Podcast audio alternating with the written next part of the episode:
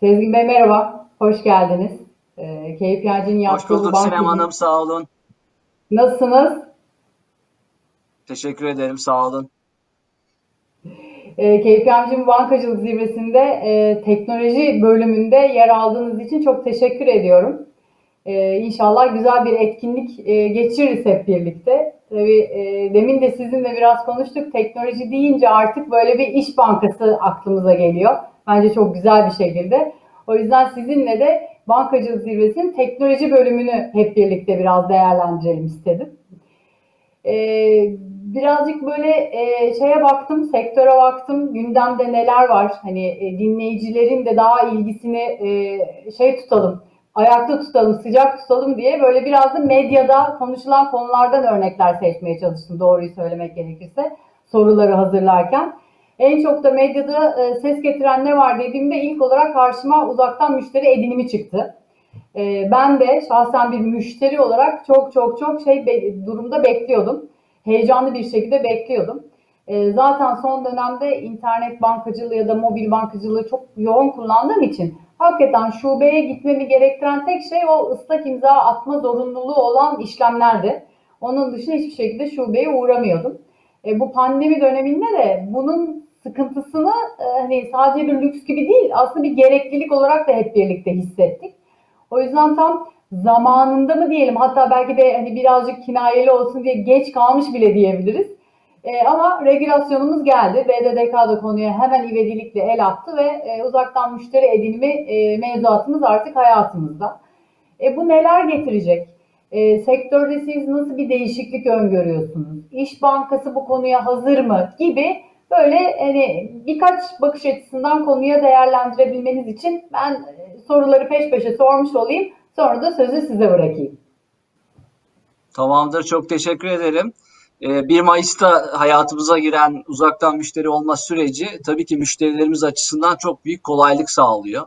Siz de dediğiniz özellikle pandemi sürecinde buna yönelik e, işte sosyal mesafeye uymak, temassız işlemlerin ön plana çıktığı bir dönem yaşadık. Yani bir takım rakamları da hatırlayalım. Örneğin e, bu dönemde dijital kanal kullanım oranlarının sadece İş Bankası'nda değil tüm bankalarda böyle rekor rekor düzeylere geldiğini ifade etmeliyim. Biz de işte bankamatikleri de dahil edersek aslında işlemlerin %96'sı dijital kanallardan yapıldı. Yani müşterilerin daha hızlı, kolay, temassız deneyimler yaşaması için aslında pandemi süreci de e, bu bahsettiğimiz trendlere e, bir bakıma destek oldu.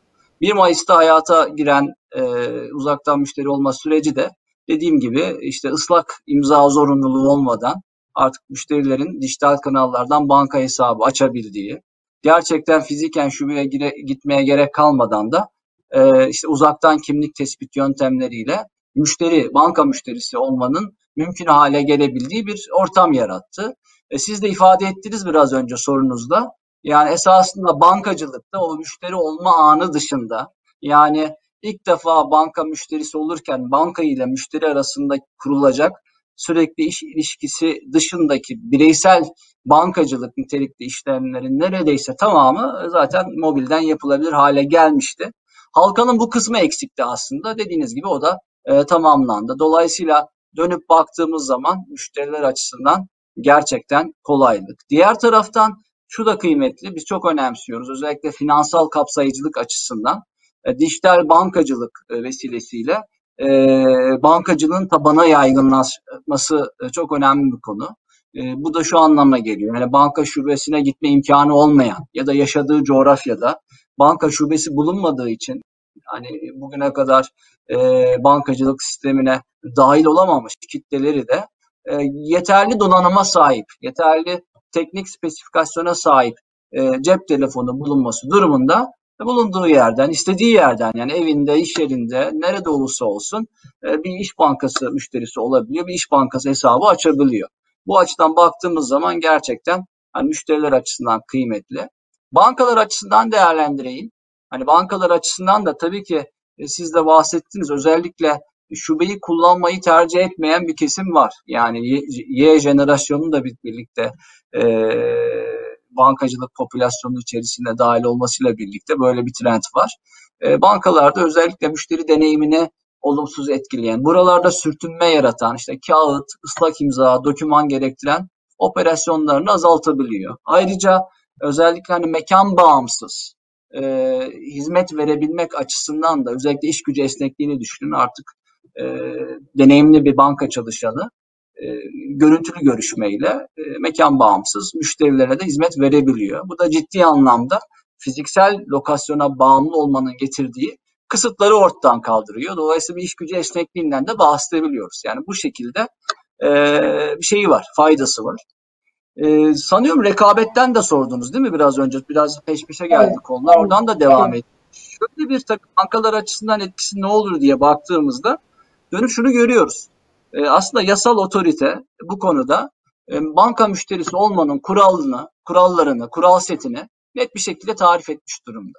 Dolayısıyla aslında müşteriye, tüm bankalar müşteriye eşit mesafede.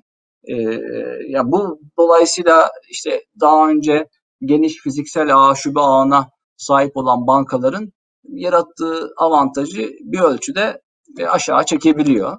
Ama tabii ki şeyi de kabul etmeliyiz. Yani bunun şubeleşmeye etkisinin kısa vadede çok radikal olmasını beklememeliyiz.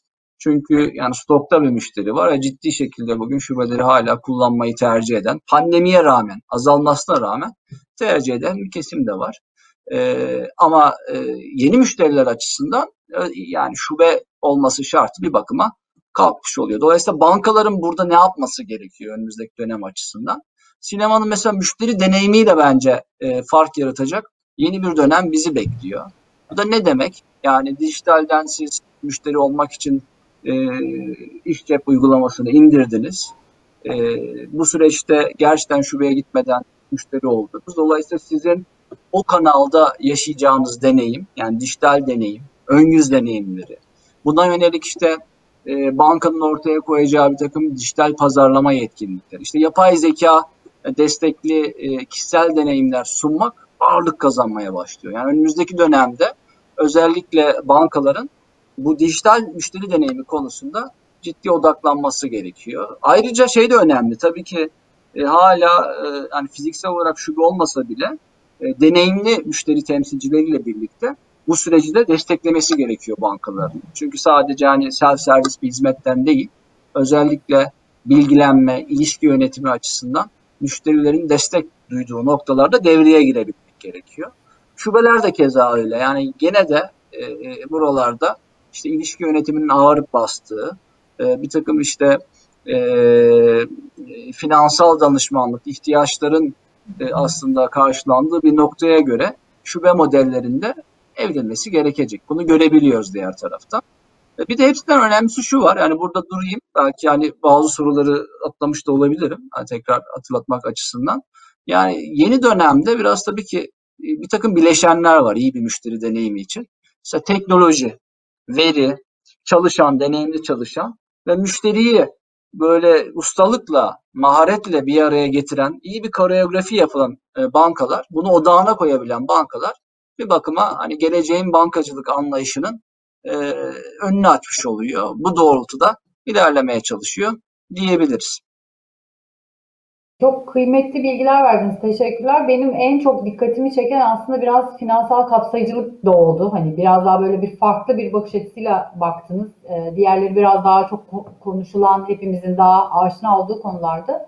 Ama en çok hani o finansal kapsayıcılıkla ilgili söylediğiniz kısım da beni çok etkiledi. Çünkü hakikaten özellikle Türkiye'de hani belki bizler için çok rutin bir şey hani bankaya gidip işlem yaptırmak hani çok çok eski dönemden beri yapıyoruz ama hakikaten bir kitle için o unbanked population dediğimiz o kitle için hakikaten bir banka müşterisi olmak e, mümkün değil. E, ama onların bu süreçlerini kolaylaştırmak ve onlara da bir müşteri deneyimi yaşatmak, yaşatabilir hale gelmek bence çok ses getirecek konulardan bir tanesi e, olacak diye tahmin ediyorum. E, o yüzden hani günün sonunda e, bu yeni regülasyon, hani çok basit bir regülasyon e, diyoruz ama hani her şey müşteri deneyimi, e, finansal kapsayıcılığın artması ve tabii ki dolayısıyla ekonominin daha zenginleşmesi sonuçlarını doğuracak bir noktaya gidecek diye anladım ben sizin söylediklerinizden. Tabii yani şöyle de bir katkıda bulunayım. Yani özellikle tabii ki görüntülü görüşme, uzaktan müşteri edinimi şu anda çok popüler ama şöyle geniş bir spektrumda baktığımız zaman aslında dijitalleşmeyle birlikte başlayan ki dijitalleşme artık bugün bir hani gereksinim yani bunun dışında kalma imkanı falan yok.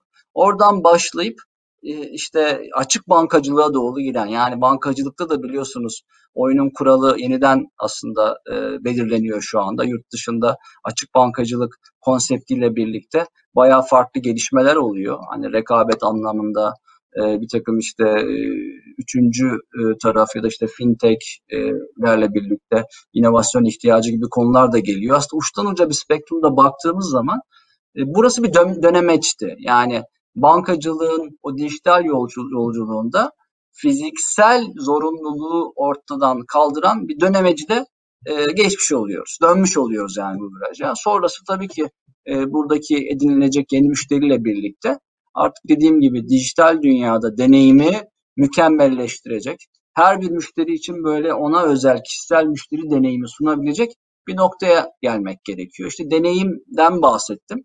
Hani deneyim konusunda da yani gerçekten e, bireysel anlamda deneyimde nasıl farklılaşabilirsiniz diye baktığınız zaman şeyi de ifade edeyim yani e, burada da e, özellikle deneyimi destekleyen bir takım yapı taşları var. Yani biz İş Bankası olarak bu konuda neler yapıyoruz diye birkaç hani e, bilgi vereyim. Özellikle yani kişiselleştirilmiş e, deneyim, e, farklılaştırılmış ürün ve hizmet sunabilmek için güçlü bir analitik ve yapay zeka e, altyapısına ihtiyacınız var. Yani her bir müşteriyi, kitleleri e, ayrıştırabilmek için böyle teknolojinin, bu yapay zekanın gücünden faydalanmak gerekiyor. Dolayısıyla yani gerekse e, içeride yaşadığı mesela dijital yolculuk, müşteri şimdi iş cebe giriyor, orada bir takım yolculuklar takip ediyor. İşte ya işte bir para gönderiyor, kredi başvurusuna başvuruyor, bir yatırım yapacak, hisse senedi alacak, bu tür finansal ihtiyaçlarına yönelik o self servis dünyada e, takip ettiği, yaşadığı deneyimi de iyice analiz etmeniz gerekiyor. Bunu analiz edip de gerçek zamanda e, bir takım müdahalelerde bulunma ihtiyacı var. Mesela biz bir takım yapay zeka teknolojilerini kullanıp, örneğin 2020 yıl için bir rakam vereyim. Yaklaşık 9 milyon yolculuğu biz e, tekin müşterimizin yolculuğunu analiz etmişiz. Dönüp baktığımızda o yıl içerisinde 1,5 milyon müşteriye yakın e, e, müşterimize gerçek zamanda deneyimlerine müdahale olabilmişiz. Yani o kişisel deneyimi e, farklılaştıracak, müşteriyi olumlu yönde şaşırtacak yönde müdahale olabilmişiz. Bu bir kısmı. Diğer kısmı tabii ki şeyi de söyleyeyim. Bankaların özellikle müşteri deneyiminin yanı sıra çalışan deneyimine de e, bayağı e, önem atfetmesi gerekiyor. Çünkü şunu biliyoruz. Çalışan deneyiminiz ne kadar iyi olursa bunun müşteri deneyimine yansıması da e, o kadar iyi olur. Çalışan deneyiminden kastım burada özellikle kurum içi yani kurumsal süreçlerde çalışanın yaşadığı işte sürtünmeleri ya da katma değer yaratmayan verimsiz süreçleri ayıklamak. Mesela bu konuda biz İş Bankası olarak örnek vereyim. Yapay zeka teknolojisinin yanı sıra robotik süreç otomasyonu kullanıyoruz. Ne yapıyoruz? İşte çalışanların örneğin tekrar eden işte manuel nitelikli işlemlerini ayıklıyoruz. Robotlara falan devrediyoruz. Dolayısıyla geriye kalan vaktinde daha kaliteli işler yapıp mesela müşteri deneyimini destekleyecek e, işlere daha fazla vakit ayırabildiklerini görüyoruz. Dolayısıyla baktığınız zaman teknoloji evet e, iyi bir müşteri deneyimi için şart. Aynı zamanda içerideki çalışanlarınızın daha nitelikli iş yapma kabiliyetlerini güçlendirecek e, bir noktaya gelmeleri açısından da e, kıymetli. Ayrıca şey de önemli. Yani yapılanma olarak, zihniyet olarak baktığınız zaman bugünkü bankalarda hani kurumsal çeviklik diye de bir kavram var. Mesela biz bir de bunu da ekledik bunun üzerine özellikle müşteri deneyiminden, müşteri yolculuklarından sorumlu farklı farklı çelik takımlar kurmaya başladık. Dolayısıyla o e, konsepte e, olaya bakıyorlar. İşte bugün geldiğimiz noktada mesela İş Bankası'nda e, yaklaşık işte 65 takım 650 kişilik bir çevik topluluğa ulaştığımızı görüyoruz. Ve bunların e, odağında e, müşteri tutkusu var. Yani müşteri deneyimli bir saplantı hale ne getirmelerini de arzu ediyoruz. Dolayısıyla tüm bunlar üst üste geldiği zaman hani bankacılık açısından da biraz önce teknolojileri, çalışan müşteri deneyiminden bahsetmiştim. Kurumların kendi içerisinde bankaların bu yetkinlikleri geliş biraz önce bahsettiğim nitelikteki yetkinleri, yetkinlikleri, kabiliyetleri, meziyetleri, maharetleri ne derseniz deyin geliştirmesi artık elzem hale geliyor. Çünkü fark yaratmanın, müşteri deneyimi açısından fark yaratmanın formülü bu tür yetkinlikler artık. Hani buna yönelik bankaların da e, odaklanacağını düşünüyorum ben Sinem Burada hemen size bir ek e, soru ilave etmek istiyorum. Aslında biraz pas attınız zaten. Hani açık bankacılık dedik, API bankacılığı dedik, müşteri deneyimi dedik. Şimdi bütün bunları e, İş Bankası kendi içinde yapıyor, kendi ekipleriyle ama fintechler ya da tekfinler ya da işte neo bankalar da artık gündemde olan konulardan. Bunlarla da bir işbirliği modelleriniz olduğunu biliyorum. İşte World Cup var, startup'tan itibaren başlayıp oradan seçiyorsunuz. İşte Silikon Vadisi'nde, Uzak Doğu'da çeşitli inisiyatifleriniz var. Birazcık da bunlardan bahseder misiniz? Yani size göre bütün bunlar şirketlerin, bankaların içinde mi organize edilmeli yoksa sizin yaptığınız gibi biraz daha hibrit hem içeride e, bakış açınızı değiştirmelisiniz ki bunu çok güzel anlattınız. Hem de bu fintech stratejisine mi sahip olmalısınız artık? Ya bir kere şöyle başlayayım. Yani özellikle yeni dönemde hani müşteri edinmeyi geçtik, açık bankacılığa doğru ilerliyoruz. Fintech dediğiniz bir sürü farklı bir e, paydaşı olan bir ekosistemden bahsediyorsunuz. Bir kere ana prensip olarak şunu koymalıyız. Şimdi dönem e, collaborative advantage yani işbirliğine dayalı avantajda avantajını lehine kullanabilen şirketlerin e, iç, e, lehine işliyor. Yani e, cümleyi düzgün kuramadım ama e, yani bir rekabet avantajı diye biliyorsunuz e, şey var, competitive advantage. Bu zaten hala devam etmek durumunda. Ama bunun yanı sıra rekabet avantajının yanı sıra biraz önce bahsettiğiniz aktörlerle, paydaşlarla birlikte bir işbirliğine dayalı avantaj yaratabilen şirketler bu yeni dönemde dijital ekonomide, bu paylaşım ekonomisi, dijital e, e, şirketlerin oluştuğu bu yeni dönemde bir adım öne geçiriliyor. Şimdi açık bankacılığın özünde de aslında bu var. Yani açık bankacılığa şu şekilde bakılıyor. Yani bunu bir yasal zorunluluk, bankacılığın işte e, küçük Lego parçacıkları gibi ayrıştırılması, işte müşterilerin bankacılık verileri üzerinde söz sahibi olduğu ve banka kanallarına bağlı kalmadan e, istedikleri yerlerde bankacılık yapabildiği bir konsepti, bir yasal zorunluluk olarak ele aldığımızda bir şey ıskalayabiliriz. Yani bunu banka, bankacılık sektörü olarak yasal bir zorunluluk bakış ele almamamız lazım. Burada ciddi fırsatlar var. Ne anlamda fırsatlar var? Dediğiniz gibi yani bizim kendi içimizde e, yapabildiğimizle dışarıdaki e, gelişen dijital şirket ve fintechlerle yapabileceklerimiz arasında e, bir, bir fark var ve bunu birlikte yapabilmenin getirdiği bir zenginlik var. Bunu ıskalamamak gerekiyor. Dolayısıyla önümüzdeki dönemde buralarda bir takım bankaların takip etmesi gereken stratejiler olduğunu düşünüyorum. Ciddi işbirliği avantajları var. Biz e, bu konu özelinde yani sizin sorduğunuz konu çerçevesinde devam edeyim.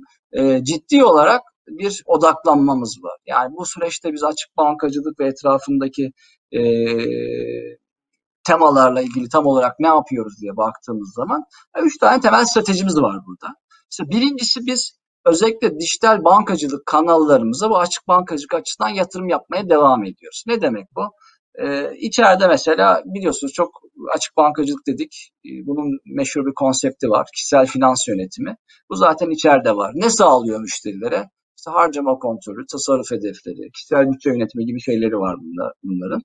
E biz buradaki ne yapıyoruz? Mesela açık bankacılıkla biliyorsunuz e, içeride otoritede yıl sonuna kadar e, buralarda bir takım API'leri, hesap görüntüleme e, ve de işte ne bileyim e, para transferi e, talimatı vermek gibi bankacılık servis servislerini zorunlu paylaşıma tabi tutuyor. İşte bu buraları tabii ki müşterilerin bu bilgileri kendi finansal bilgilerini e, başka aktörlerle, başka bankalarla ya da üçüncü taraf e, servis sağlayıcılarla birlikte paylaşması için öncelikle izin vermesi gerekiyor. Bunun verildiği noktada mesela biz banka olarak içeride kurduğumuz bu kişisel finans yönetimi gibi uygulamaların diğer aktörlerden gelecek, e, müşterilerin diğer bankalardaki iz düşümünden gelecek veri setiyle daha zenginleşeceğini öngörüyoruz.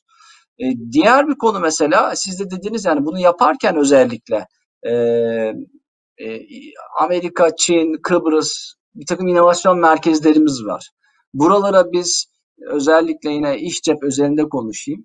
Yani mesela bir süper app, bir platform haline getirmek konusunda yeni değer önerileri yani müşterilerin e, hayatlarına kolaylık katacak, hız katacak yeni değer önerilerine dahil etmek için yani yurt dışındaki teknolojileri çok yakından dahil ediyoruz. Burada şu kıymetli, bunu tek başınıza yapmanız önemli değil. Yani yurt dışı ve yurt içinde özellikle finansal teknoloji konusunda ortaya çıkan yeni girişimcileri de e, bu biraz önce bahsettiğim e, yolculuğun bir parçası haline getirmeniz gerekiyor. Dolayısıyla girişimcilik siz de ifade ettiniz. Girişimcilik ekosistemine bu anlamda çok önem veriyoruz. Ne yapıyoruz? Yani öncelikle işte World Cup girişimcilik programı için bu konuda e, ki e, girişimleri destekliyoruz. Gerçekten banka stratejilerine uygun ya da banka stratejisi olmasa dahi e, Türkiye'nin gelişiminde ekonomiye katkı sağlayacak değer yaratma potansiyeli bulunan girişimlere e, işte Maxis Yenilikçi Girişim Sermayesi Yatırım Fonumuz var, bir venture capital.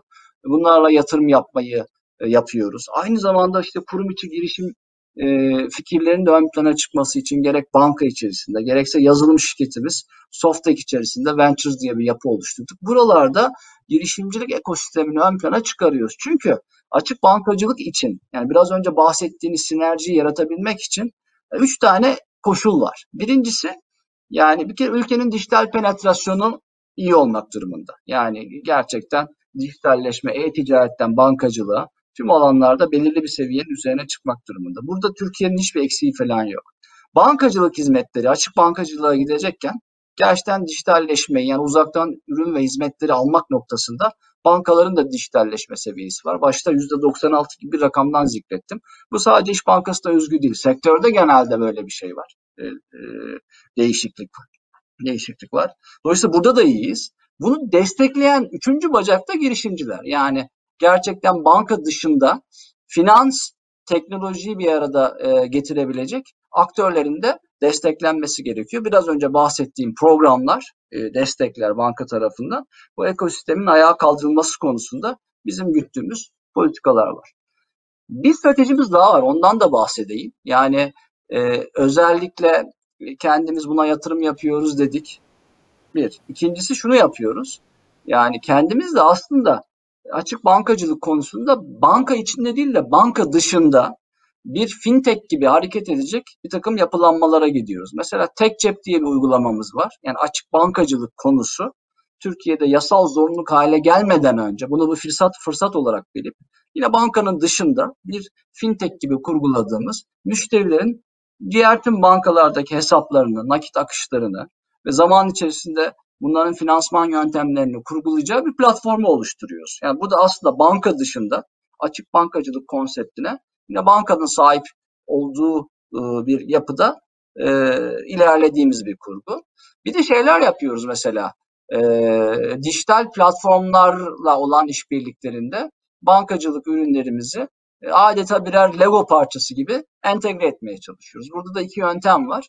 Biliyorsunuz API altyapıları var. Bankalar API portallerinde bir takım API'lerini e, yayınlıyorlar. Bizim işte kredi kullanmadan para aktarmaya, fatura ödemeye kadar yaklaşık işte 41 tane API'miz oldu. 33 tane farklı e, firmayla entegrasyonumuz var bu alanda. Burayı e, e, genişletiyoruz. Aynı zamanda da sahip olmadığımız platformların dışında kendimiz de platform kuruyoruz. Yani mesela yakın zamanda kurduğumuz bir e-ticaret şirketimiz var. Bankacılık hizmetlerimizi işte krediden ödemeye, işte tasarruf işlemlerine kadar bu e-ticaret şirketimizin içerisine böyle gömülü bir şekilde entegre etmek için yoğun çaba sarf ediyoruz. Bu da şu anlama geliyor. İşte açık bankacılık örnekleri dediniz. İşte kendimiz dedik iş cep içerisinde açık bankacılık yapacağız.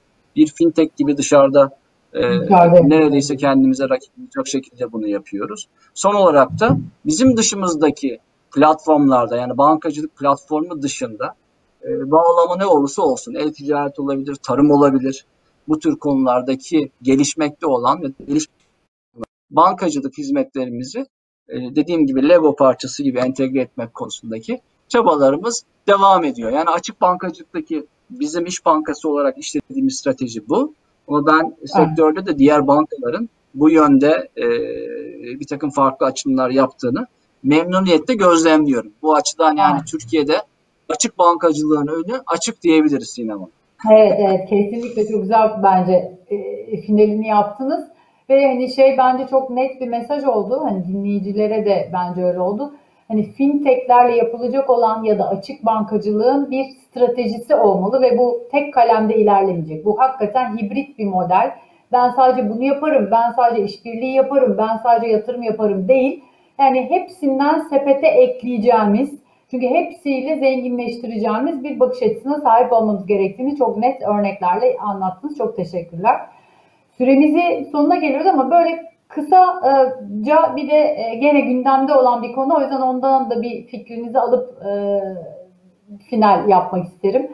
E, kripto varlıklar diyeceğim. Gene böyle medyatik bir konu ama sadece kripto varlıklar ve o spekülatif tarafından hani konuya yaklaşmayalım istiyorum. Biraz daha teknoloji konuştuğumuz için altındaki blockchain teknolojisini de e, değerlendirerek yani biliyorsunuz işte Merkez Bankası da e, birkaç hafta evvel kripto parayı bir kripto varlık gibi tanımlamadı belki ama düşünerek işte ödemelerde kullanılmasın dedi. E, arkasından çeşitli e, haberler oldu. Yani asıl onlara da değinebiliriz ama kripto paradan ziyade hani bu tek kullanım alanı değil çünkü aslında blockchain'in ama maalesef en medyatik olanı. E, biraz da arka taraftaki o blockchain e, teknolojisi gene bankaların gündeminde mi? Yoksa finansal sektör çok regüle bir sektör.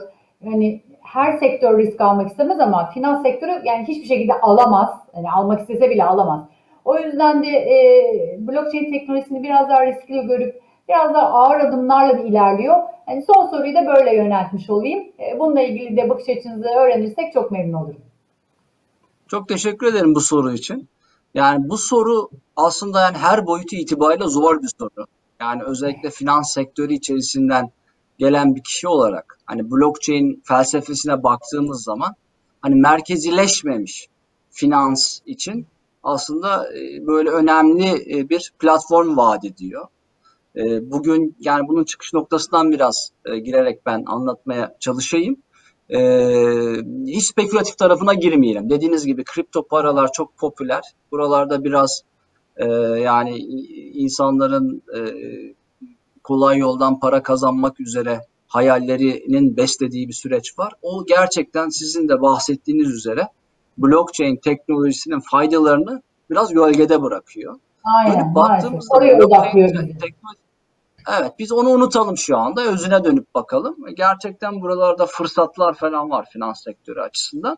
Ciddi tehditler de var. Hani ben en azından bunu e, 2015'ten bu yana yani yakından takip eden bir kişi olarak bu konudaki görüşümü de net bir şekilde belirleyememiş olduğumu da ifade edeyim. Böyle de bir itirafta bulunayım ben size. E, çünkü şey var yani dönüp baktığınız zaman bankacılık sektöründe çalışıyorsunuz.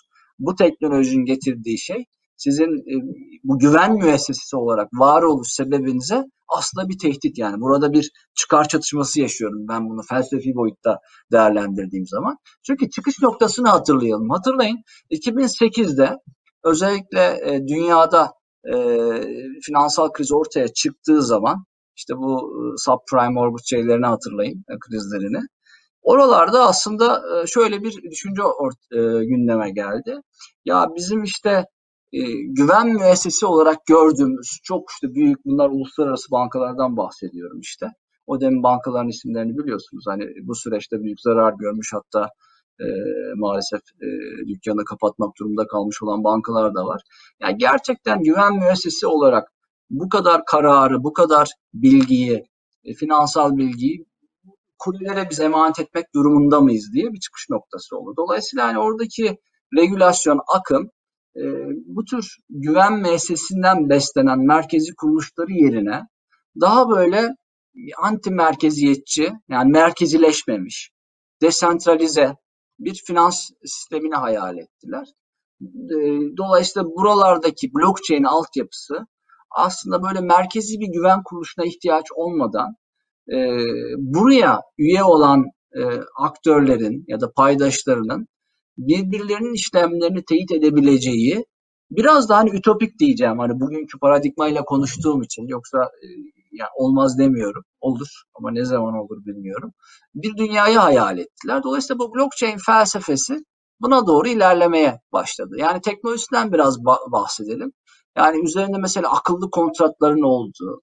Dolayısıyla bir iş modeli içerisinde e, aracıların ya da işte merkezi kuruluşların e, arkada güven verdiği süreçlerin aslında teknolojiyle akıllı kontratlar üzerinden halledilebildiği, bu tür aradaki e, katma değer zincirinde değer yaratmayan kuruluşların bir bakımına elimine olduğu, ayıklandığı bir e, dünyadan bahsediyoruz. Ve bunun mümkün olduğunu görmeye başladık. Ama geçen zaman içerisinde yine kripto parayı bir araya bak bir tarafa bırakıyorum. Blockchain üzerinde yani altyapısı üzerinde bir sürü böyle projeler de geliştirilmeye başladı.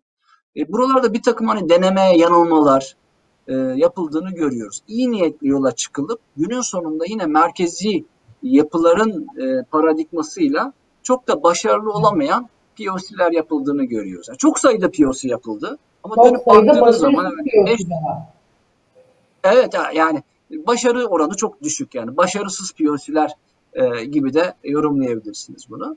E, çünkü şu var yani dönüp bakıyorsunuz kapalı sistemler var burada. Küçük konsorsiyumlar var. Yani bir araya geliyorlar. Aslında bugün yaptıkları ve mevcut teknoloji üzerinde zaten yapabildikleri konuları blockchain üzerinde yapıp yine kapalı modeller, yine merkeziyetçi modeller yapıyorlar. Yani bunun merkezi modelden ne farkı kalıyor gibi soru işaretleri oluşuyor. Dolayısıyla bizim sizin de ifade ettiğiniz o blockchain ana faydasına yönelik e, iş modelleri tam olarak e, gelişip serpilmedi. Ama iyi haberler de var mesela. Ben şeyi görüyorum. E, özellikle mesela son dönemde e, şey tarafında mesela hani, normal borsalarda illa kripto evet. olması gerekmiyor bunu. Yani finansal kontratların alınıp satıldığı, hisse senetlerinin bir aracı olmaksızın alınıp satıldığı borsalar oldu. Yani bunlar açık sistemler. E, üyelikleri açık, herkese açık. Dolayısıyla ölçeklenebiliyor. E, bu ölçeğin getirdiği e, işte proof of work deniyor. Yani yapılan işlemlerin teyit mekanizmalarının çalışmaya başladığı borsalar gördük. Burasının büyümeye devam edeceğini görüyoruz. Benim gördüğüm, okuduğum, yaptığım görüşmelerde edindiğim izlenim şu. Özellikle kısa vadede para akışının olduğu e, kontratların kısa vadede blockchain'e taşınabileceğini biz e, görüyoruz, düşünüyoruz. İşte finansal kontratlardan bahsettim yani. Buralarda bir mal, arka tarafta fiziksel bir emtia bağımlı olmayan taraflar da e, bu kolaylıkla ölçeklenebilir. Mesela bu dark pool trading var. Yani trade ediyorum ama ben aracıma da güvenmiyorum. Bir görünmezlik pelerini istiyorum adeta. Dolayısıyla buralarda kimin alıp kimin sattığının belli olmadığı noktalarda e, bunun pick up edeceğini düşünüyoruz. E, gelişebileceğini düşünüyoruz. Mesela menkulleştirme yani kesirli menkulleştirme dediğimiz yapılar var. Bazı gayrimenkullerin ya da değişik varlık sınıflarının tabana yaygın bir şekilde alınıp satılır hale gelmesi. Yani burada da işte atıyorum Malezya'daki Petronas Tower'ın menkulleştirildiğini düşünün. Buradan alıp satabiliyorsunuz onu. Mal hareketi falan yok. Ya da bir takım emtia, işte commodity trading, emtia ticareti. İşte bu, bu bat olabilir, petrol olabilir ya da işte mineraller olabilir, değerli mineraller olabilir. Bunların kontratları konusunda kısa vadede globalde bir e, merkeziyetçi yapının dışına çıkılacak şeyler öngörebiliyoruz. Tabii yine burada güven unsurunu tam aşamıyoruz. Yani tamamen böyle teslim olup e, bu bu şeylere bıraktığımız noktada bu gerçekleşebilir gibi gözükse de yine insanın içerisinden o e, güven arayışı hala bir takım saklama. İşte biliyorsunuz son kripto tartışması içerisinde bu varlıklar var mı yok mu, soğuk cüzdanda mı, evet. sıcak cüzdanda mı gibi tartışmalarda hala arada birinin bunu underwrite etmesi yani bu e, güven güvence vermesi isteniyor. E, güvence vermesi gerekiyor. Yani benim gördüğüm şey bu. Ama öne açık. E, yani bugün gördüğümüz blockchain senaryoları ya da kripto senaryolarıyla e, henüz bence emekleme aşamasındayız. Bu işin de önü zaman içerisinde yeni e, bir takım kullanım alanlarıyla, bahsettiğim kullanım oranlarıyla birlikte gelişecek diye düşünüyorum. Çok güzel. E, güzel haber çünkü e, birebir size katılıyorum. E, teknoloji maalesef hak ettiği yere e, gelemedi. Hani o başarısız e, POC'ler diyoruz. Yani aslında başarısız olması teknolojinin e, doğru teknoloji olmamasından değil, e, iş modelinin gerekli olmadığı bir teknoloji kullanmasına. Yani doğru iş modeli bulamamın, bulamamamızdan kaynaklı oldu. Ama doğru iş modeli bulunduğunda ben de gerçekten ses getiren e, projeler, şeyler göreceğimizi e, düşünüyorum. Ama bir bankacıdan da bunu destekler mahiyette dönüş almak bence çok keyifli oldu, güzel oldu. Ee, Sezgin Bey çok teşekkürler katıldığınız için. Gerçekten e, çok güzel bir e, sohbet oldu. E, süremizin e, ufak ufak hatta biraz açtık bile. O yüzden daha ajandamda sorular vardı ama inşallah bir sonraki etkinliğe diyorum. Çok teşekkürler tekrardan katıldığınız için ve değerli görüşlerinizi paylaştığınız için. Rica ederim. Teşekkürler. Yine görüşmek dileğiyle.